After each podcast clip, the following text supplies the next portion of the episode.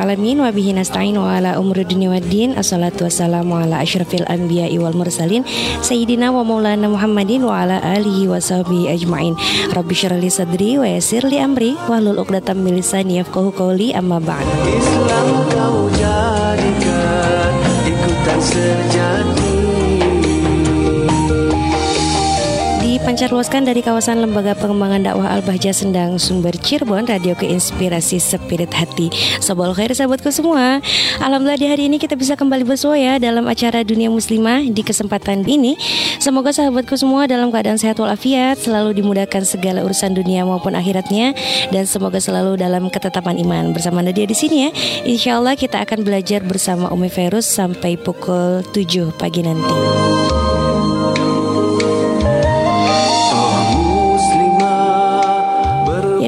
sahabat yang berada di luar jangkauan kami ya Acara Dunia Muslimah ini bisa sahabat akses melalui layanan streaming Di www.buyayahya.org www.radiokoonline.com Juga www.radioku.com Siaran ini juga bisa sahabat simak secara live streaming ya Di Facebook, Instagram, dan juga Youtube Umi Feros Orobini Dan juga eh, sahabat nanti bisa bertanya ya pada kolom komentarnya. Oh muslimah kami juga mengajak sahabat untuk memfollow beberapa media dakwah Umi ya dari channel YouTube, Facebook, Telegram, Instagram, Spotify dan juga Twitter dengan nama Umi Virus Ar-Rahbini. Dan jangan lupa ya untuk pencet tombol loncengnya agar tidak ketinggalan informasi updatean terbaru dari channel-channel Umi. Baik sebelum kita masuk kepada materi di hari ini ya, Nadia akan sapa terlebih dahulu Umi Virus yang alhamdulillah sudah hadir bersama Nadia ya di ruang siar di pagi hari ini. Assalamualaikum warahmatullahi wabarakatuh Umi. Waalaikumsalam warahmatullahi wabarakatuh. Sehat kabarnya Umi? Alhamdulillah berkat. Nadia dan juga para pendengar semuanya. Insya Allah semoga terus dijaga oleh Allah SWT Amin. Keadaan sehat untuk bekal taat kepada Allah dan Rasulullah Sallallahu Amin amin ya rabbal alamin. Baik Umi di hari ini uh, kita sudah sampai pada part ketiga sirah putri bungsu Nabi Muhammad sallallahu alaihi wasallam dan Sayyidah Khadijah Al Kubra ya Umi, yaitu Sayyidah Fatimah binti Muhammad sallallahu alaihi wasallam. Setelah pada pertemuan kemarin ya, Umi sudah menceritakan bagaimana Allah membentuk bagusnya karakter beliau dari kejadian-kejadian di sekitarnya. Karena saat Nabi diangkat menjadi nabi, Sayyidah Fatimah berada pada usia yang sudah cukup untuk memahami dan mengingat dengan baik apa-apa yang sedang terjadi di sekitarnya. Terlebih beliau sedari kecil memang selalu mendampingi Nabi ya ke mana pun beliau pergi. Uh, sehingga beliau sangat tahu bagaimana totalitasnya perjuangan ibundanya dalam menemani dakwah Nabi. Beliau pun sangat tahu bagaimana Nabi bersikap ya terhadap jahatnya perlakuan kasar kaum kafir Quraisy. Beliau pun sangat tahu betapa berat dan perihnya perjuangan Nabi setelah mendapat wahyu untuk berdakwah secara terang-terangan. Uh, terlebih setelah beberapa tahun kemudian ibundanya harus wafat terlebih dahulu meninggalkan mereka. Namun Sayyidah Fatimah tetap tegar dan tetap dengan sangat setia mengurus Nabi dan juga mendampingi Nabi. Dan insya Allah di hari ini ya, Umi akan melanjutkan kisah beliau bagaimana akhirnya Sayyidah Fatimah uh, kisah hijrahnya ya dan juga uh, akhirnya Sayyidah Fatimah dinikahi oleh manusia mulia yaitu Sayyidina Ali bin Abi Thalib karamallahu wajhah dan sehingga dari pernikahan mereka lahirlah keturunan Nabi Muhammad SAW yang masih terus ada sampai hari ini. Semoga Allah selalu memberikan kepada kita ya hati yang selalu cinta dan takzim kepada para ahlul bait Rasulullah. Baik, tafadhol Umi. Baik, Bismillahirrahmanirrahim. Assalamualaikum warahmatullahi wabarakatuh. Waalaikumsalam warahmatullahi wabarakatuh. Alhamdulillahirrahmanirrahim. Wassalatu wassalamu ala ashrafil anbiya wal mursalin. Sayyidina Maulana Muhammadin wa ala alihi wa sahbihi ajma'in amma ba'du. Para pendengar radioku, sahabat di mana pun berada yang senantiasa dimuliakan oleh Allah Subhanahu Wa Taala. Alhamdulillah Allah memberikan kesempatan kepada kita kembali untuk bisa belajar bersama, untuk bisa mengenal lebih jauh manusia-manusia mulia, pilihan Allah yang dekat dengan Nabi kita Nabi Muhammad Sallallahu Alaihi Wasallam. Dari mulai istri-istri beliau pernah kita bahas dalam kajian kita dan juga sekarang kita sudah masuki putri-putri Rasulullah dan kita masih akan melanjutkan kajian tentang putri Nabi yang ke yang terakhir yaitu Sayyidah Fatimah Az-Zahra Mhm. yang pada dua pertemuan yang lalu sudah kita ceritakan tentang keutamaan kemuliaan beliau Ya. dan sekarang kita akan menceritakan fase perjalanan sirah beliau yang berikutnya dari mulai hijrah ketika beliau hijrah ke Madinah Ya. dan nanti ke pernikahan beliau dengan manusia pilihan Allah Subhanahu wa taala pilihan Allah dan Rasulullah sallallahu alaihi wasallam. Baik eh, hijrah Sayyidah Fatimah dan juga Sayyidah Umi Kulsum itu sendiri bukan bukan hijrah yang mudah ya Mhm. karena memang ketika Rasulullah berangkat ke Makkah ke Madinah bersama sahabat tercintanya yaitu Sayyidina Abu Bakar As-Siddiq eh, beliau memang tidak membawa keluarganya Mhm. dikarenakan memang kondisi tidak memungkinkan untuk berangkat serta merta pada waktu itu karena memang waktu itu bertepatan dengan rencana orang kafir Quraisy gitu ya untuk membunuh Nabi ya dengan cara mengumpulkan orang-orang eh, perkasa di antara mereka orang yang paling kuat paling perkasa Mhm. dari semua kabilah yang ada saat itu untuk bersama-sama membunuh Nabi Muhammad sallim alaihi. sehingga tidak memungkinkan Nabi melakukan hijrah bersama-sama keluarga beliau sehingga hijrah Nabi ini memang hijrah yang sembunyi-sembunyi saat itu Mhm. dan bukan karena Nabi takut akan tapi itu adalah karena kini Nabi selalu memposisikan diri beliau tuh bukan hanya sebagai Nabi tapi juga sebagai imam Mhm. dan Nabi itu sebenarnya pengen mengajarkan kepada kita strategi dalam dakwah, strategi dalam banyak hal. Mhm. Nabi berada dalam perlindungan Allah. Seandainya Nabi dakwah terang-terangan pun eh, akan dijaga oleh Allah. Akan Mhm. tapi ya begini Nabi mengajarkan. Kadang artinya orang tuh jangan apa karena Nabi dalam perlindungan Allah kalau kita. Ya. Nah, jadi itu pendidikan Nabi untuk kita. Mhm. Padahal pun dalam kisah hijrah Nabi pun kita mendengar kisah bagaimana ketika Nabi keluar dari rumahnya, Nabi masih sempat menaburkan debu di kepala orang-orang yang saat itu berniat untuk membunuh Nabi, Mhm. tapi ternyata Nabi lewat di depan mereka, mereka nggak sadar. Nah ini Iya. kan sebenarnya menunjukkan bahwa oh Nabi dalam penjagaan Allah. Itulah Mhm, artinya seandainya Nabi mau terang-terangan pun tidak ada masalah. Hanya seperti itulah Nabi memberikan contoh dalam kita untuk bisa berstrategi. Ya. Dan akhirnya dengan seperti itu nggak mungkin dibawa putri beliau dan istri beliau yang saat itu eh, istri beliau adalah Sayyidah Sayyidah Saudah dan juga Sayyidah Aisyah radhiyallahu taala anhuma. Jadi eh, akhirnya ditinggallah keluarga Nabi untuk nanti menyusul jika sudah keadaan sudah memungkinkan dan Nabi sudah menyiapkan tempat untuk mereka. Sehingga makanya setelah Nabi sampai ke Madinah lalu ternyata sambutan begitu luar biasa. Dan juga mereka pun sudah mulai menyiapkan juga rumah untuk Nabi Muhammad Shallallahu alaihi wasallam dan juga untuk keluarga beliau sehingga akhirnya Nabi pun memerintahkan beberapa sahabat untuk menjemput keluarga beliau ke untuk datang ke Madinah. Sehingga berangkatlah akan tetapi pun ternyata untuk keluarga Nabi itu memang ujiannya luar biasa sekali ya. Ternyata ada beberapa musuh Allah yang merasa tidak terima dengan kepergian keluarga Rasulullah Shallallahu alaihi wasallam ya.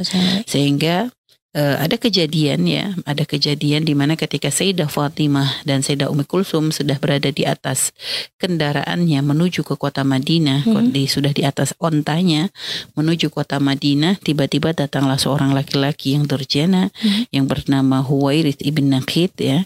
Jadi Huwairith ibn Naqid ini akhirnya mengagetkan ontanya Sayyidah Fatimah da, ya dipukul begitu sampai onta itu kaget sehingga akhirnya mengangkat badan gitu sehingga akhirnya Sayyidah Fatimah dan Sayyidah Umi Kulsum itu jatuh Ini, dari ya. dari dari onta dan itu membawa artinya memang eh, menjadikan kondisi Sayyidah Fatimah itu sebenarnya setelah eh, terjadinya pemboikotan Mhm. kondisi Sayyidah Fatimah kondisi Sayyidah Umi Kulsum tuh benar-benar kondisinya itu lemah banget gitu ya. Mhm, mhm. efeknya itu luar biasa. Karena bayangkan tiga tahun harus menanggung lapar. Iya. harus eh, dalam keadaan yang sangat-sangat berat. Sehingga mempengaruhi dalam pertumbuhan ini maksudnya secara secara ke tubuh Fisik, beliau ya. gitu ya psikis eh, fisik beliau tuh itu menjadi eh, apa ya menjadi lemah begitu Mhm. sehingga ketika berangkat ke kota Madinah ternyata dapat perlakuan seperti itu akhirnya menjadikan ya kondisi semakin kurang baik waktu itu Mhm. dan Nabi sangat marah begitu mendengar bahwa putrinya diperlakukan seperti itu dan ya seperti Umi sampaikan waktu Sayyidah Zainab juga kan seperti itu kisahnya Iya. ya tapi bahkan kalau Sayyidah Zainab lebih parah lagi karena kondisi beliau sedang hamil Iya, iya. sehingga ini perbuatan yang sangat durjana karena ya dipandang nggak pantas banget seorang laki-laki berbuat jahat seperti itu kepada seorang wanita Mhm. secara ibarat kalau memang laki-laki pengen menunjukkan keberaniannya jangan kepada wanita Iya. ayo lawan sama-sama laki-laki Mhm. ini kepada seorang wanita yang lemah. Jadi ini menunjukkan sebenarnya kehinaan bahkan di kalangan Arab pun itu dianggap sebagai sesuatu yang tercela, terhina, Hmm. rendah. Sehingga ya ini termasuk hukumnya dan ini kafir harbi yang harus diperangi. Ya. Sehingga akhirnya Nabi pun memerintahkan ya karena ini berbuat dolim kepada wanita. eh, Nabi merintahkan kepada siapa pun yang bertemu nanti dengan Huwairith ibn Naqid agar membunuhnya. Dan akhirnya terjadilah ya ketika akhirnya dia bertemu dengan Imam Ali karamallahu wajha, maka Imam Ali pun menjalankan perintah Nabi dengan membunuh eh, Huwairith ibn Naqid yang itu terjadi pada waktu Fathu Makkah. Iya. Ya. Nah akhirnya begitu Sayyidah Fatimah sampai ke kota Madinah maka beliau pun akhirnya Alhamdulillah ya eh, merasakan keindahan ya di situ Sayyidah Fatimah merasa sangat terharu melihat bagaimana kecintaan atau keadaan yang sangat berbanding terbalik dengan yang selama ini dilihat oleh beliau Mhm. bagaimana Nabi ketika di Mekah selalu terhinakan, selalu dihina, selalu selalu disakiti, selalu didolimi. Ya. Akan tapi ketika sampai di kota Madinah, Sayyidah Fatimah menemukan orang-orang yang sangat mencintai Rasulullah Shallallahu Alaihi Wasallam, sangat menghormati beliau, mengikuti apa yang disampaikan Nabi, Mhm. sehingga hampir tidak ada satupun orang di Madinah kecuali saat itu telah berasyhadu an la ilaha illallah wa asyhadu anna Muhammad Rasulullah. Begitu mudahnya Allah memberikan berikan hidayah kepada mereka Mhm. hanya dengan mendengar satu ayat Allah bukakan hati mereka lalu mereka bersyahadat Allah. sehingga memang kondisi sangat-sangat indah saat itu belum lagi orang-orang ansor orang-orang ansor orang-orang Madinah menyambut kedatangan orang-orang muhajir dengan sangat-sangat sambutan yang sangat luar biasa sehingga eh, apalagi setelah Nabi mempersatukan mereka dalam ikatan persaudaraan ya Mhm. sehingga akhirnya mereka orang-orang Madinah yang merasa kuat mampu kaya itu dengan tidak tidak tidak ragunya untuk berikan pertolongan kepada orang-orang muhajir yang Hmm. memang saat itu ketika mereka hijrah mereka benar-benar ibaratnya meninggalkan dunianya untuk Allah dan Rasulullah Shallallahu Alaihi Wasallam.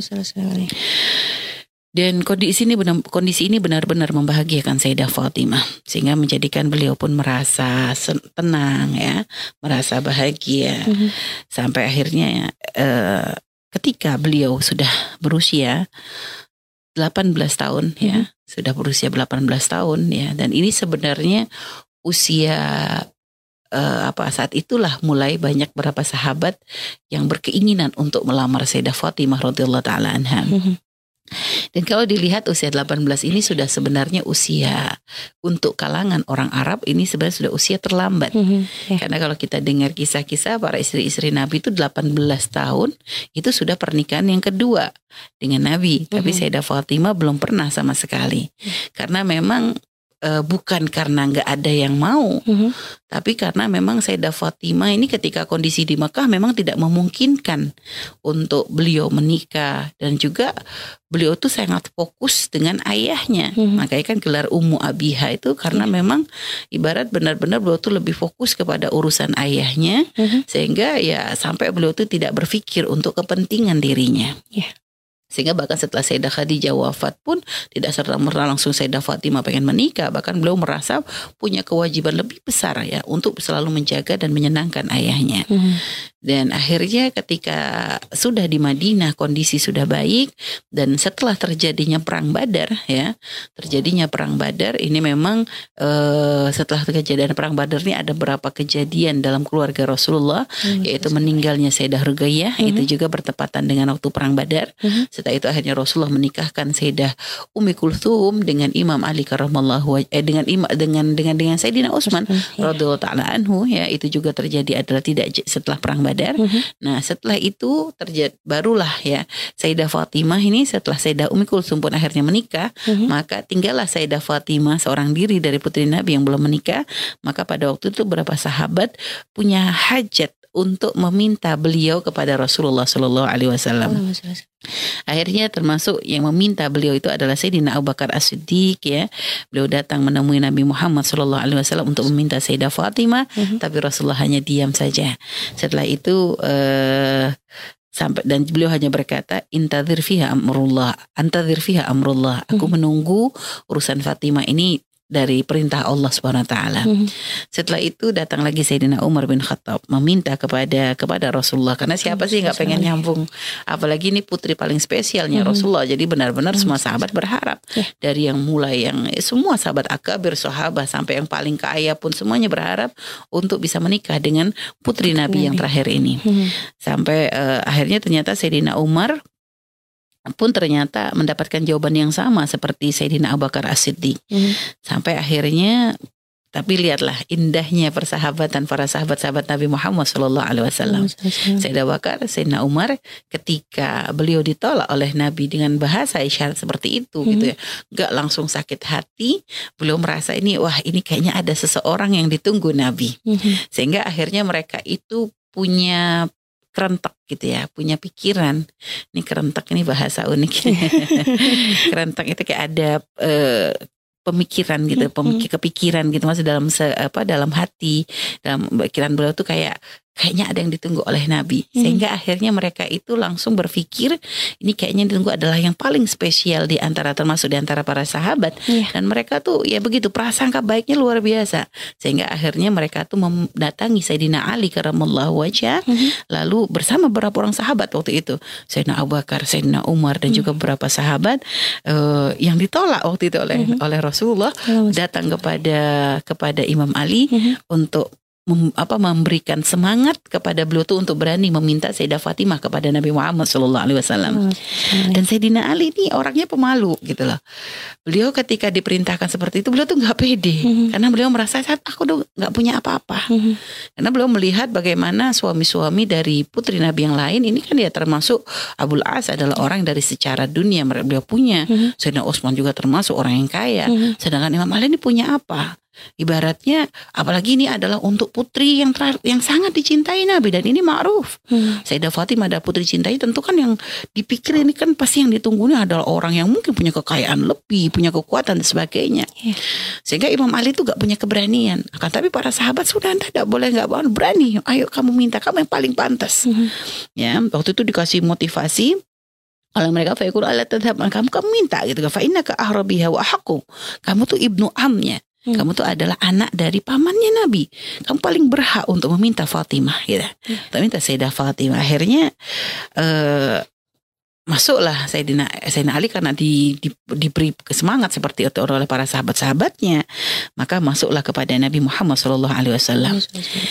Menemui Rasulullah lalu Nabi bertanya mahajatu ibni Abi Talib mahajatu ibni Abi Talib apa hajatmu? Ada apa nih? Ada apa nih kau datang nemuin aku gitu. Mhm. Nabi bertanya seperti itu, eh, seperti itu. Lalu kata Sayyidina Ali fadzakartu Fatimah. Ini beliau tuh menyebut Sayyidah Fatimah Zahra saya Sayyidah Fatimah putri Rasulullah Sallallahu Alaihi Wasallam. Dan Nabi begitu mendengar ucapan Sayyidina Ali gitu ya beliau langsung mengatakan marhaban wa ahlan marhaban wa ahlan.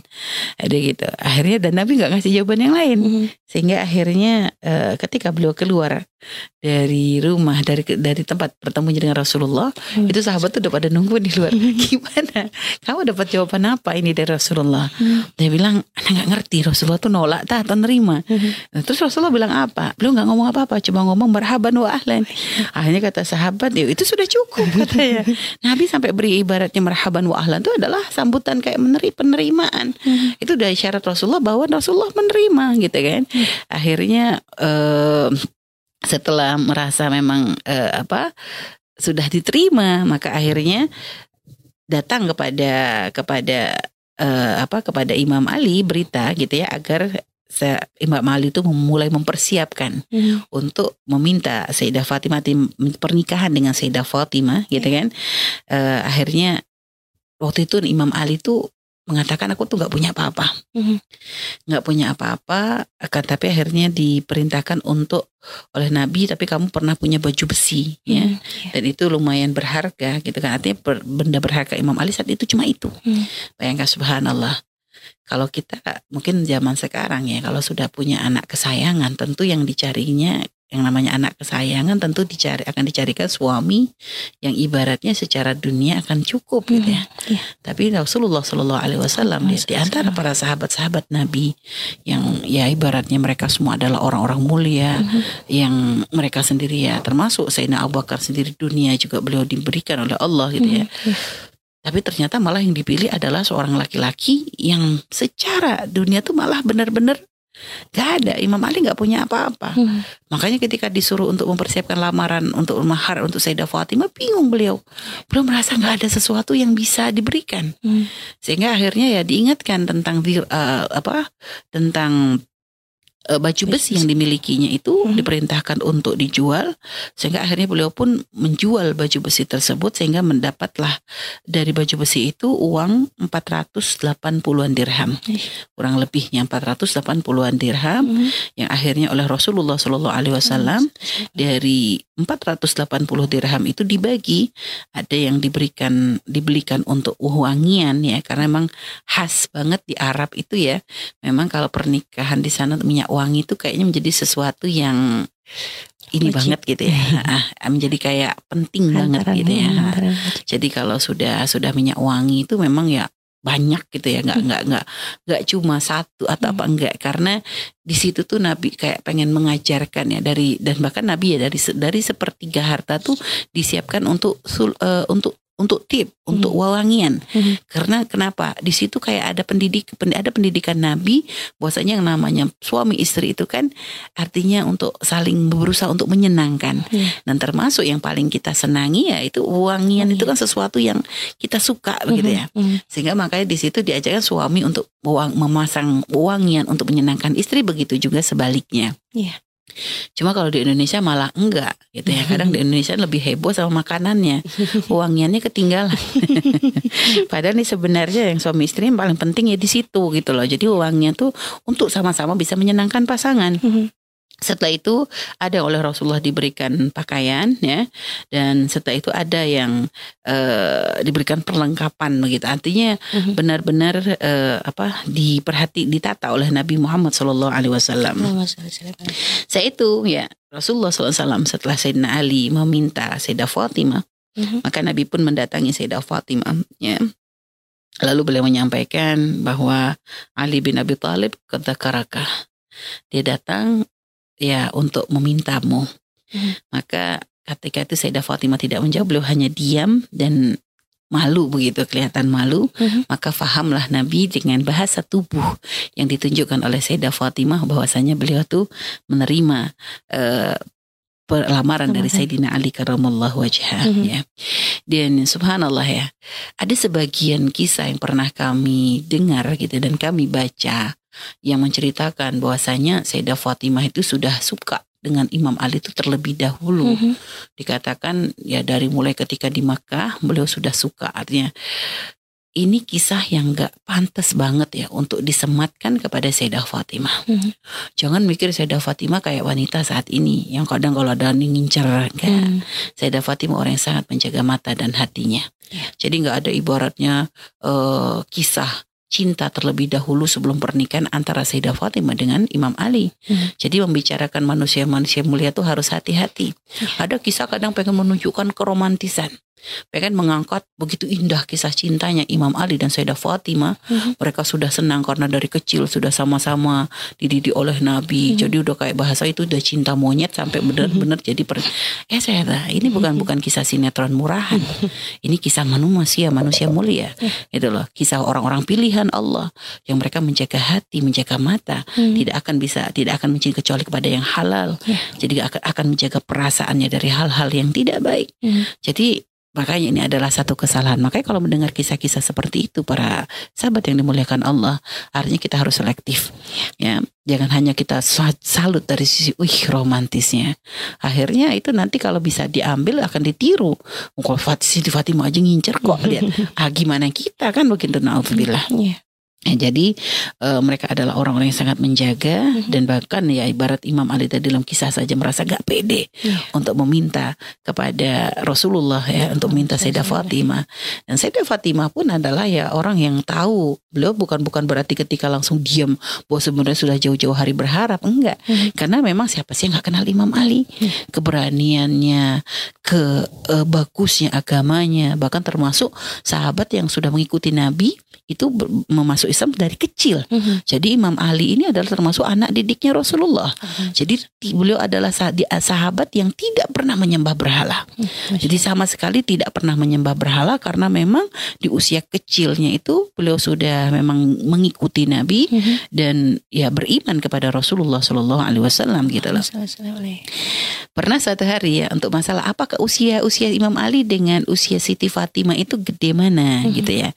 Dikatakan Sayyidina Abbas pernah bercerita ketika waktu itu masuk ke rumahnya Imam Ali dan Sayyidah Fatimah setelah pernikahan eh, Imam Ali bertanya, aku dengan Fatimah tuh umurnya segimana gitu lah karena orang dulu kan gak umum mencatat tanggal Iya, kelahiran iya. begitu ya. Mhm. Hanya akhirnya Sayyidina Abbas tuh ya mengingat karena Sayyidina Abbas itu adalah saudaranya Imam Ali Mhm. engkau itu lahir beberapa tahun sebelum bina Ka'bah. Hmm. Jadi Imam Ali lahirnya sebelum bina terjadi pembangunan Ka'bah itu. Hmm. Sedangkan Sayyidah Fatimah itu lahir bertepatan dengan bina Ka'bah. Iya. bertepatan dengan eh, pembangunan Ka'bah, maka itu waktu itu ketika Nabi meletakkan Iya. Hajar Aswad, nah itu Mhm. bertepatan dengan kelahirannya Sayyidah Fatimah. Iya. Sehingga di situ menunjukkan bahwa Imam Ali itu lebih tua beberapa tahun. Jadi eh, beberapa tahun dari Sayyidah Fatimah. Jadi ya mungkin selisih tiga tahun begitulah kurang Iya. lebihnya Mhm. tiga atau dua tahun. Jadi nggak terlalu lama. Jadi sebelum bina Ka'bah ya nah, itu sampai ketika Sayyidah Fatimah pas waktu ketika bina itu pembangunan Ka'bah itu sudah jadi. Iya. Nah itu akhirnya eh, dimulai dipersiapkan lah, dimulai dipersiapkan eh, pernikahan mulia dua manusia mulia orang yang sangat dicintai oleh Allah dan Rasulnya yaitu Sayyidah Fatimah Az-Zahra dengan Imam Ali karramallahu wajhah dan di sini ayo kita merenung di sini ada kisah dari Sayyidah Aisyah radhiyallahu taala anha tentang persiapan pernikahan manusia mulia putri Nabi yang sangat dicinta oleh Rasulullah Shallallahu alaihi wasallam. Apa persiapannya? Kalau kita memikirkan pernikahan saat ini, masya Allah, tentu yang ada adalah kemewahan, kebiaran dan sebagainya. Kan tapi pernikahan putri manusia paling mulia itu Sayyidah Fatimah Az-Zahra. Di sini Sayyidah Aisyah bercerita eh mendengar kata kalau Sayyidina Ali dan Sayyidah Fatimah akan menikah, para ummahatul mukminin itu mulai mempersiapkan. Hmm. Para ummahatul mukminin itu mulai mempersiapkan eh, untuk rumah yang akan ditempati oleh Sayyidah Fatimah dan Imam Ali waktu itu menempati rumahnya Imam Ali. Iya. Di situ fafarasna hujratuha birramlin naim. Ya. Dan jadi waktu itu mempersiapkan tempat tidurnya itu adalah dengan meletakkan pasir lembut ya. Mhm. Pasir yang lembut ditata untuk menjadi tempat tidurnya beliau dan dialasi oleh dengan kotifah gitu ya dengan karpet. Ya itulah kasurnya putri Rasulullah Shallallahu Alaihi Wasallam dan setelah itu eh, memang ya subhanallah ya kebayang. Jadi bukan bukan kasur spring bed seperti punya kita. Mhm. jadi hanya tempat yang ditinggikan lalu diletakkan di situ adalah pasir yang lembut. Setelah itu nanti dikasih alas karpet supaya lebih empuk dan bisa digunakan sebagai sebagai ranjang begitu. Iya. adapun untuk bantalnya itu adalah kulit yang digelembungkan ada gelembungnya begitu ada kosongnya di tengah. Lalu bukan diisi dengan kapas atau diisi dengan bulu-bulu jadi diisi dengan lipatan-lipatan. Dengan lipatan-lipatan sesuatu yang bisa dilipat itu dimasukkannya untuk menjadi bantal supaya lebih tebal menjadi bantal. Mhm. yang kata lipatan itu adalah dari bekas sarirnya. Jadi bekas ranjangnya Rasulullah Shallallahu Alaihi Wasallam jadi Rasulullah itu ran- eh, bukan jadi ranjang jangan pikir juga ranjang Nabi itu ranjang ya Mhm. sebenarnya kurang lebih juga sebenarnya sama. Iya. Jadi tempat yang ditinggikan begitu, jadi ada tempat yang dulu pernah jadi alasnya Nabi untuk baring itu, itu akhirnya dilipat-lipat dan itu nanti dimasukkan untuk menjadi bantalnya Sayyidah Fatimah dan Imam Ali karamallahu wajah. Setelah itu lalu eh, ada datang lagi mereka ada ada orang yang membawa eh, alat tutahan ya, Eh, ada alat-alat untuk me- membuat membuat menggiling gandum Mhm. ya. Jadi terus juga dibawakan juga air alat wadah untuk mengambil air ya. Hmm. Karena di zaman Siti di zaman Nabi Muhammad Shallallahu alaihi wasallam air itu bukan kayak kita bisa pakai pencet tinggal putar keran langsung keluar. Mhm. Air akan harus harus diambil terlebih dahulu gitu Iya. loh dengan alat yang mungkin kalau sekarang gambarannya gini loh. Alat dua wadah yang panjang terus nanti diikat jadi satu Mhm. jadi nanti kalau orang pengen ngambil air itu talinya tuh diikat di leher, Mhm. disambungin di leher. Mhm. Nanti kanan itu wadah air ya, kanan kiri tuh dikasih air Mhm. untuk menyeimbangkan. Iya. Nah, ke- punya gambarannya. Mhm, iya. Jadi seperti itu itu wadah untuk ngambil airnya Mhm. itu. Mhm. Dan jadi gak ada istilah sumur gali, nggak belum nggak nggak nggak nggak banyak yang memang ada air seperti itu tuh gak banyak karena Mhm. kondisi tahu sendiri kondisi di Mekah Madinah itu Mhm. bukan bukan bukan seperti itu gitu loh. Mhm. dan akhirnya juga disiapkan juga ada otur wotip ya ada minyak wangi dan wangi-wangian itu ha, untuk diletakkan eh, di situ dan juga mereka pun eh, disiapkan juga untuk di rumah. Sayyidah Sayyid tempatnya Imam Ali ini ada apa di pojok kamar itu ada dinding sama dinding kan ada sudut gitu ya Mhm. yang di situ lalu diletakkan eh, apa sih eh, kayak kayu ya Iya. yang nanti berfungsi untuk kayak nyantolin baju begitu ya. Mungkin kalau sekarang tuh kita tuh dulap apa lemari Mhm. akan tapi zaman Nabi nggak ada nggak ada Sayyidah Fatimah putri Nabi nggak punya lemari jadi hanya sekedar pojokan tempat itu pojok kamar itu Mhm. kayak dikasih gantungan cantolan begitu hanya sekedar untuk meletakkan baju Mhm. yang jumlahnya pun tidak tidak tidak lebih daripada satu tangan gitu ya. Nggak lebih daripada satu tangan. Mhm. karena eh, bukan seperti kita. Bayang kalau kita kayaknya kalau nikah lemari full ya. Mhm. tapi kalau putri Rasulullah nggak begitu. Dan subhanallah inilah eh, kesederhanaan keluarga Nabi Muhammad Shallallahu Alaihi Wasallam Padahal beliau adalah orang yang mulia, tapi ya memang seperti itulah yang diharap diinginkan oleh Rasulullah. Bukan karena Nabi tidak mampu untuk meminta dunia, Nabi kalau seandainya mau, dunia akan dihamparkan untuk beliau. Artinya pun Allah akan menyiapkan buka apa jadi satu wadah satu tempat akan dijadikan diberi sisip Allah mampu untuk Nabi kita. Akan tapi bukan itu yang dipilih oleh Nabi. Jadi dunia di- dianggap hanya sekedar sesaat, hanya tempat untuk sekedar dilewati, bukan untuk dinikmati. Sehingga makanya Nabi memberikan tarbiyah ini untuk untuk ahli baitnya, untuk keluarganya. Dan Sayyidah Fatimah ini akan menjadi eh, penerusnya, Mhm. menjadi ibu bagi para ahli bait. Iya. Sehingga ibarat tuh Nabi tuh ingin memberikan eh, ibarat kalau pondasi itu dikuatkan banget Mhm. Jadi kalau mau membuat bangunan, pondasinya tuh benar-benar kokoh, benar-benar kuat, sehingga apa? Dari pondasi yang kuat ini nanti ke atasnya akan semakin lebih kuat. Jadi memang seperti itulah tujuan Rasulullah SAW. Untuk Sayyidah Fatimah benar-benar dididik dengan pendidikan yang luar biasa karena nanti dari Sayyidah Fatimah lah keturunan Nabi akan terus terlahir. Mhm. Setelah itu Sayyidina Hamzah sangat bahagia dengan pernikahan Imam Ali dengan Sayyidah Fatimah. Sehingga beliau tuh akhirnya datang menyembelih dua ekor onta ya. Mhm. Dua ekor onta itu disembelih lalu dibagi-bagikan kepada orang-orang. Dan juga ada yang menyumbang kurma, ya Mhm. ada menyumbang menyumbang zabib. Zabib itu kurm, eh, anggur kering, Mhm. apa kismis ya, Kismis, ya. kismis ya. Sampai dikatakan oleh Sayyidah Aisyah gitu ya, famara itu wallah arsan afdal min arsi Fatimah. Demi Allah aku nggak pernah ngelihat eh, pernikahan yang paling bagus gitu mas lebih pernikahannya Sayyidah Fatimah. Jadi kayak semua orang itu benar-benar turun ya untuk berbahagia Mhm. dengan pernikahannya putri Rasulullah SAW dengan Imam Ali karramallahu wajhah. Ya. Dan eh, setelah itu setelah pernikahan sudah sudah sudah terjadi gitu ya pernikahan Sayyidina Ali dan Sayyidah Fatimah sudah terjadi maka Rasulullah Shallallahu Alaihi Wasallam menghantarkan Sayyidah Fatimah ke rumahnya Imam Ali dan menaikkan eh, menyuruh Sayyidah Fatimah untuk naik baklah baklah itu keledai Mhm. ya yang bernama Syahba milik Nabi Muhammad Shallallahu Alaihi Wasallam.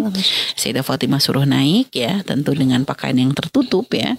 Setelah itu eh, Sayyidina Rasulullah menyuruh Sayyidina Salman untuk membawa keledai itu ya gandeng keledai yang memegang tali kekangnya keledai itu Mhm. untuk membawa Sayyidah Fatimah ke rumahnya Imam Ali dan dari belakang itu Rasulullah dan juga para keluarga semua ya Sayyidina Hamzah dan juga Ba'du Bani Hashim Mhm. keluarga Bani Hashim itu mengiringi ke eh, apa perginya Sayyidah Fatimah menuju ke rumah suaminya Imam Ali.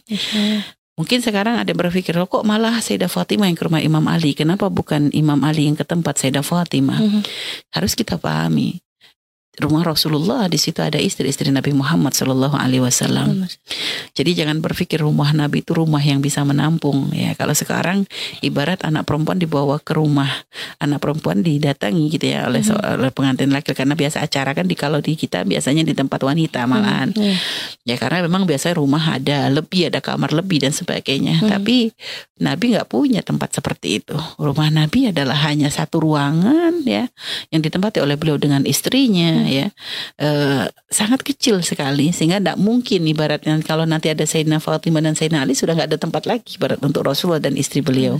Sehingga akhirnya dibawalah ke rumah Imam Ali walaupun rumah Imam Ali pun bukan rumah yang bagus maka Mhm. akan tapi ya seperti itulah diatur oleh Nabi Muhammad Shallallahu Alaihi Wasallam dan para ummatul mukminin gitu ya merasa semangat banget sampai mereka itu ya ikut lari-lari untuk menuju ke tempat Imam Ali gitu ya.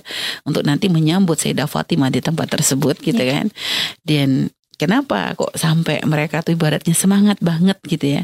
Untuk ya untuk acara putri Nabi Muhammad Shallallahu Alaihi Wasallam. Karena mereka adalah orang-orang mulia mengerti bahwa Sayyidah Fatimah ini adalah orang yang sangat dicintai oleh Nabi. Mhm. sehingga mencintai orang dicintai Nabi itu akan mendatangkan ridho Rasulullah Shallallahu Alaihi Wasallam.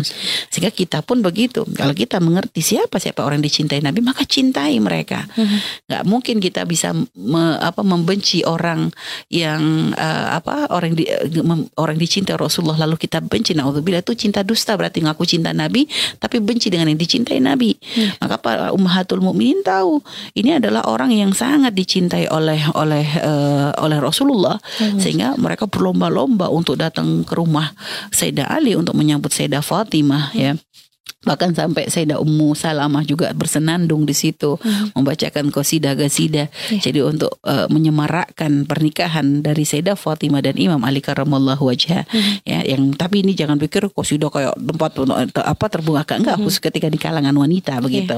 Jadi untuk sekedar untuk meramaikan untuk menyenangkan Rasulullah SAW eh, dengan mendatangkan kebahagiaan di hati putri beliau yang saat itu tidak bisa ditemani oleh ibundanya Sayyidah Khadijah radhiyallahu taala anha. Mhm. Dan eh, setelah itu ketika sudah Rasulullah sampai ke tempatnya Imam Ali gitu ya lalu Nabi menyuruh Sayyidina Sayyidah Fatimah untuk masuk gitu kan Mhm. memasukkan ke dalam ke rumah Ali setelah itu ternyata berbarengan saat itu waktu Isya sudah sudah tiba Mhm. jadi Nabi ketika habis sholat maghrib tadi membawa Sayyidah Fatimah ke tempat Imam Ali dan Ya. ternyata begitu sampai ke tempat Imam Ali ya tidak lama ternyata waktu berbarengan dengan waktu azan Mhm. dan eh, akhirnya Nabi menyuruh menunggu ya. Nunggu nanti aku akan kembali lagi. Dan inilah subhanallah. Jadi dengan dengan kondisi pernikahan pun ternyata tidak menjadikan Nabi itu gofil urusan masalah sholat gitu kan. Mhm. makanya para akhwat fillah para para sahabat yang dimuliakan Allah subhanahu wa taala ini menjadi tarbiyah. Kadang berapa banyak gara-gara pernikahan sholat ditinggal. Mhm. jadi kadang pengantin hanya karena untuk menjaga dandanan, akhirnya pengantin libur sholat di hari pernikahannya. Padahal tidak ada libur sholat, gak boleh ada istilah libur sholat itu. Gimana kok menghadap Allah diliburkan di waktu yang paling mulia? Mhm. Ini sering kali terjadi. Kadang kalau nggak pengantin yang yang libur, ibunya juga ikutan libur karena sama-sama jaga dandanan. Hmm. Subhanallah. Hanya karena untuk urusan bedak ya, kita jaga bedak, jaga dandanan. Akan tapi kita mau diperburuk wajah kita di akhirat dengan kita meninggalkan sholat. Naudzubillah. Sehingga makanya perhatian untuk semua sahabat. Artinya acara seperti apa pun selalu prioritaskan urusan sholat. Iya. Dan ada cara kok kalau supaya nanti bagaimana ketika pernikahan itu gimana sholat boleh enggak jamak takdim jamak takhir. Tanyakan kepada ahlinya Hmm. ya. Jangan membuat fatwa sendiri. Sampai kita katanya pernah dengar ada fatwa ini kalau khusus untuk pernikahan boleh menggabungkan sholat itu lima waktu menjadi satu waktu. Hukum jamak model apa ini? Nggak ngerti kok bisa langsung keluar hukum gara-gara pernikahan ini. Ngarang. Nggak ada istilahnya. Jamak itu ya dua sholat. Nggak ada jamak empat sholat itu. Itu namanya sudah meninggalkan itu jadi Hmm. jangan main-main urusan masalah hukum syariat jangan merubah seenaknya sendiri hanya karena eh, urusan-urusan kepentingan pribadi itu Iya.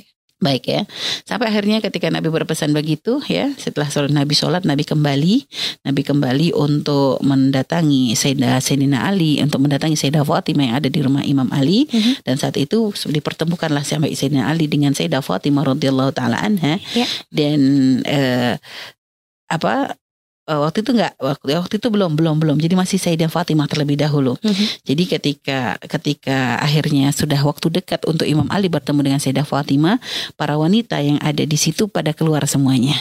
Pada keluar semua sehingga akhirnya ternyata tertinggal satu wanita di situ. Satu wanita yang nggak pergi. Jadi akhirnya Rasulullah eh, bertanya siapa nih perempuan yang masih tetap di tempat tersebut? Hmm. Eh, kenapa kamu kok masih di sini? Gitu kan. Eh, siapa kamu? Gitu kan. Nabi nggak nggak nggak gini eh, Asma ya Rasulullah. Mhm. akhirnya Nabi menangkan binti Umais. Asma binti Umais Naam ya Rasulullah. Nah kenapa kamu nggak pergi seperti yang lain? Hmm. gitu kan kata Nabi. Akhirnya Sayyidah Asma berkata "Eh, ya Rasulullah aku yang akan menjaga putrimu. Karena sesungguhnya eh, seorang gadis itu ya ketika di hari pernikahannya mereka itu butuh ada seorang yang bisa dekat dengan mereka untuk memenuhi hajat mereka. Mungkin mereka ingin butuh apa nanti akan dipenuhi dan aku yang akan mem- maksudnya mengambil peran itu ya Rasulullah. Mhm. Dan subhanallah Nabi merasa bahagia banget gitu ya ketika ada ternyata seseorang yang memperhatikan hal tersebut gitu kan. Di saat beliau pun merasa biasanya kan ditemani oleh ibunda. Tapi saat ini Sayyidah Fatimah tidak ada ibunda yang menemaninya. Mhm. sehingga eh makanya Rasulullah merasa bersyukur banget gitu ya. Ketika akhirnya ada seorang wanita yang mau menemani Sayyidah Fatimah saat itu gitu kan Rasulullah merasa bahagia sekali gitu kan. Karena ya karena memang ya Sayyidah Khadijah tak tergantikan memang. Tapi ya melihat ada seseorang yang mengerti kondisi tersebut. Karena namanya anak perempuan ya ketika akan menikah kadang ada rasa takut rasa bingung malu dan sebagainya. Ternyata ada seorang yang yang mau menemani ini menjadi satu hal yang sangat membahagiakan Rasulullah. Allah. Akhirnya Nabi pun mendoakan eh, Sayyidah Asma dengan doa yang subhanallah. Beliau berkata, "Fa'adani Rasulullah SAW bidakwat." Jadi Rasulullah itu doa mendoakan dengan doa yang banyak dan wallah inilah arjuha katanya. Sungguh aku tuh memang benar-benar berharap. Jadi bukan berharap balasan, tapi berharap doa dari Nabi ini adalah luar biasa banget gitu ya. Wa innaha la arja ma indi gitu terus mem sampai ibaratnya tuh itu yang memang paling aku harap dari Nabi itu bukan bukan balasan apa tapi karena doa beliau ini adalah doa yang dikabul oleh Allah Hmm. sehingga harapan mendapatkan doa dari Nabi ini benar-benar luar biasa sekali. Sehingga ya itulah subhanallah begitulah para sahabat-sahabat Nabi Muhammad sallallahu alaihi wasallam. Mereka ketika ketika melakukan untuk Nabi ini benar-benar berharap ridho Rasulullah karena dari ridho Rasulullah ini akan menjadikan mereka akan mendapatkan ridho dari Allah Subhanahu wa taala. Iya. Setelah itu akhirnya memasukkan masukkanlah Imam Ali ya. Eh, masukkan Imam Ali dan dipertemukanlah dengan dengan dengan Sayyidah Fatimah gitu kan. Setelah itu Rasulullah berwudu gitu kan dan mendoakan eh, apa? Mendo- berdoa setelah mengambil air wudu ya, lalu berdoa Iya. me- untuk Sayyidah Fatimah. Setelah itu Rasulullah tuh kayak mengambilkan dari air wudu itu lalu dipercikan ya kepada bukan dipercikan jadi di kayak diusapkan kepada Sayyidah Fatimah dan Imam Ali Mhm. sambil Nabi SAW Muhammad SAW berdoa Allahumma ini uidhu habika wa dzurriyyata rajim ya Allah aku memohon perlindunganmu untuk untuk untuk untuk eh, untuknya untuk eh, ya. Aku benar memohon perlindungan untukmu pada Allah Subhanahu wa taala dan juga untuk keturunannya untuk keturunan dari Sayyidah Sayyidah Fatimah dari syaitan rajim ya aja dijaga. Semoga Sayyidah Fatimah dan anak keturunannya akan selalu dijaga oleh Allah Subhanahu wa taala. Dan eh, apa namanya Rasulullah pun mendoakan Allahumma barik fihi ma barik alaihi ma barik lahuma fi naslihima Eh, Allahumma hadhi ibnati wa habbul khalqi ilayya gitu kan Rasulullah tuh berdoa dengan doa yang banyak banget. Rasul mendoakan keberkahan untuk keduanya, keberkahan untuk untuk untuk untuk hidupnya, keberkahan untuk keturunannya dan juga Rasulullah di situ mengatakan Allahumma hadhi ibnati wa habbul khalqi ilai. Jadi ini ya Allah, ya Allah ini adalah putriku dan orang yang paling aku cintai. Allahumma ha- wa hadha akhi wa habbul khalqi ilai dan ini adalah saudaraku dan aku, orang yang paling aku cintai ya Allah gitu kan Allah maj'alhu laka waliyan ya. Jadi di situ Rasulullah tuh mendoakan dengan doa yang banyak untuk Sayyidina Ali dan Sayyidah Fatimah untuk Sayyidina Ali dan Sayyidah Fatimah radhiyallahu taala anha. Setelah itu eh, setelah itu beliau memberikan fat, wasiat gitu kan. Memberikan wasiat ya Fatimah laka ma bidakhilil bait wa Ali ya Ali laka ma bi kharijil bait. Jadi Fatimah untukmu yang di dalam rumah ya wahai Ali dan untukmu yang di luar rumah. Maksudnya apa? Di situ Rasulullah ingin menegaskan bahwa urusan mengatur rumah di dalam rumah adalah urusan Sayyidah Fatimah dan urusan mencari nafkah adalah urusannya Imam Ali. Jadi di situ Rasulullah ingin mengajarkan makna tanggung jawab seorang istri yaitu hendaknya menjadi rabbatul bait gitu ya menjadi orang yang mengurusi rumah. Sedangkan suami adalah menjadi imam kewam memberikan nafkah mencarikan nafkah yang halal untuk istri. Di situlah Eh, dan juga Rasulullah lalu mendoakan mereka terus dengan doa terutama untuk masalah dzurriyyah salihah gitu kan. Dan subhanallah eh, itu adalah doa yang luar biasa Hmm. gitu yang didoa yang disampaikan oleh Nabi Muhammad Shallallahu alaihi wasallam yang terus Nabi mendoakan. Eh, sampai akhirnya ketika pagi gitu kan ketika pagi tiba gitu. Nabi pun eh, bergegas kembali untuk setelah setelah apa setelah pagi-pagi itu datang ke tempatnya Imam Ali dan Sayyidah Fatimah. Mhm. lalu di situ beliau bertanya kepada kepada Ali kepada Imam Ali terlebih dahulu kaifa wajadta ahlak ya Ali? Apa yang maksudnya gimana menurutmu untuk tentang ya, istrimu tuh gimana hanya apa jawab Imam Ali Ni'mal aun ala ta'atillah Sungguh paling bagusnya penolong dalam ketaatan kepada Allah Subhanahu wa taala. Artinya ya pasangan yang sangat membantu dalam ketaatan kepada Allah Subhanahu wa taala. Mhm. Setelah itu Sayyidah Fatimah pun ditanya oleh Rasulullah bagaimana suamimu ya Fatimah? Bagaimana lalu beliau menjawab khairu ba'lin ya abatah gitu kan. Sungguh paling bagusnya suami wahai ayah. Inilah hendaknya memang eh, seorang suami istri ya artinya menceritakan kebaikan ke ke pasangannya. Bukan seperti zaman sekarang begitu banyak kadang orang seorang suami begitu mudah merendahkan istri atau seorang istri yang kadang membongkar aib suami. Naudzubillah belajar daripada Sayyidah Fatimah. Ya nikmal ni- nikmal nikmal ba'al ya, ya khair ba'al ya abatah paling bagusnya suami wahai ayah. Dan Sayyidina Ali pun begitu menyanjung adalah seorang wanita yang sangat membantu dalam ketaatan kepada Allah dan Rasulullah Shallallahu Alaihi Wasallam. Sehingga akhirnya Nabi lalu berdoa kembali Allah barik lakum wa barik fikum wa asada jiddakum wa akhraja minkum al kathir tayyib ya situ Nabi semoga Allah memberkahi ya dan terus memberikan karunia selalu kepada keduanya dan juga semoga Allah terus memberikan keturunan yang baik-baik kepada mereka ya Allah. Di situ Sayyidina Anas radhiyallahu anhu berkata, "Wallah," katanya, eh, "laqad akhraja minhum al-katsiru thayyib." gitu. Hmm. Beliau berkata, "Demi Allah, sungguh telah keluar dari keturunannya Sayyidah Fatimah dan Sayyidina Ali ini adalah orang-orang mulia." Masya Allah. Karena Sayyidina Anas ini adalah salah seorang sahabat yang waktu ketika eh, yang hidup ketika itu eh, ketika Nabi hijrah ke Madinah tuh masih anak-anak Mhm. ikut Nabi dari usia kecil sampai di- dikatakan usia beliau tuh dikatakan sampai 100 lebih Mhm. karena memang doanya Rasulullah termasuk memanjangkan umurnya dan banyak keturunannya rizkinya juga banyak makanya Imam Anas ini termasuk orang yang paling banyak tahu dengan keturunannya Rasulullah Shallallahu Alaihi Wasallam Hmm, dari Sayyidina dari Sayyidah Fatimah Mhm. Sehingga beliau pun menyaksikan Sayyidina Hasan dan Husain lalu menyaksikan anak-anak mereka wajadul katsiratain min ahli bait Rasulillah lalu mereka menemu, beliau menemukan banyak keturunan-keturunan mulia ya yang terlahir dari dari dari Sayyidah Fatimah radhiyallahu taala anha yang mereka adalah orang-orang mulia yang subhanallah dikenal dengan keagungannya kedekatannya kepada Allah. Mhm. lalu juga mereka adalah orang-orang yang takasyuf ya takasuf itu adalah sederhana zuhud ya ridho. Dan subhanallah ini memang ciri dari Rasulullah ciri dari Sayyidah Fatimah Ma- itu memang tercermin pada anak keturunannya. Nah subhanallah.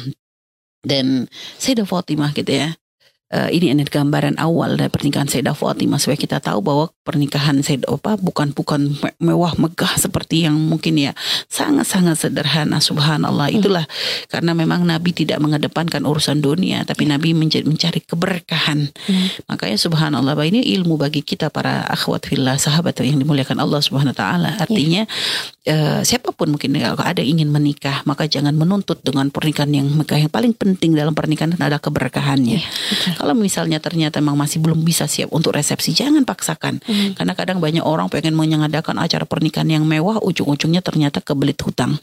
Dan akhirnya malah bikin susah hidupnya. Jangan memaksakan, jangan pengen pamer, jangan ini. Pernikahan bukan dicari masalah kebiar di hadapan manusia. Tapi yang paling penting adalah apakah pernikahan kita menjadi pernikahan dari oleh Allah Subhanahu wa taala. Orang mungkin bisa katakan, wah pernikahannya wah, wah, wah, wah, wah. Tapi apakah berkah? Apakah pernikahan yang adalah benar-benar pernikahan yang diridhoi oleh Allah? Apakah adalah pernikahannya kita bisa meninggalkan keharaman? Karena sekarang banyak sekali pernikahan yang ternyata dilakukan ya bahkan dari kalangan orang-orang muslim akan tapi ternyata pernikahannya sama sekali tidak mencer- mencer- mencerminkan pernikahan yang diajarkan Nabi. Mhm. Bahkan banyak sekali kadang pelanggaran-pelanggaran syariat yang dilakukan oleh dalam pernikahan.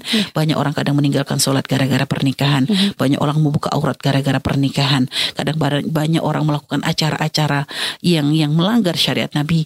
Ini adalah dalam pernikahan. Sehingga kadang mendatangkan penyanyi-penyanyi yang kadang untuk menghibur penyanyi yang membuka aurat. Ada juga kadang mengadakan acara mohon maaf goyang, joget dan sebagainya yang bercampur antara lelaki dengan wanita. Nauzubillah.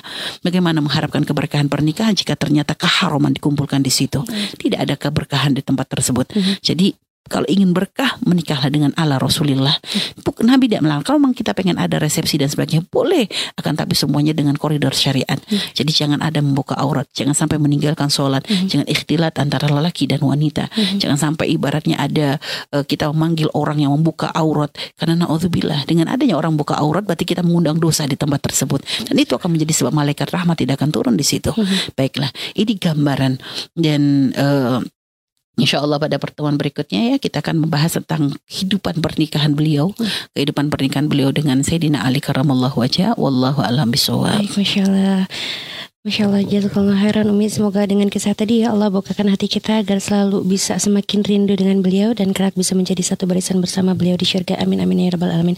Baik kita akan break sejenak ya Dan insya Allah setelah ini eh, Akan ada sesi tanya jawab. Untuk sahabat yang ingin bertanya langsung kepada Umi Bisa bergabung melalui layanan telepon ya Di 085 284 700 147 Dan juga SMS ataupun WhatsApp di 081 321 461 Namun sebelum break Nadia akan sapa terlebih dahulu Media partner yang sudah membersamai kami di pagi hari ini ya. Ada Radioku 104,8 FM Kuningan, Radioku 92,4 FM Majalengka, Radioku 104,7 FM Batam, Radioku 1089 AM Bogor, Radioku 88,0 FM Kuburaya Pontianak, Radioku 89,6 FM Purbalingga, Radioku 107,9 FM Tangerang, Radioku 87,6 FM Berau Kalimantan Timur, Radioku 106,3 KCG Martapura dan juga Radioku 93,6 Aceh Besar. Tentunya tetap stay bersama kami ya di Radioku Inspirasi Spirit Hati.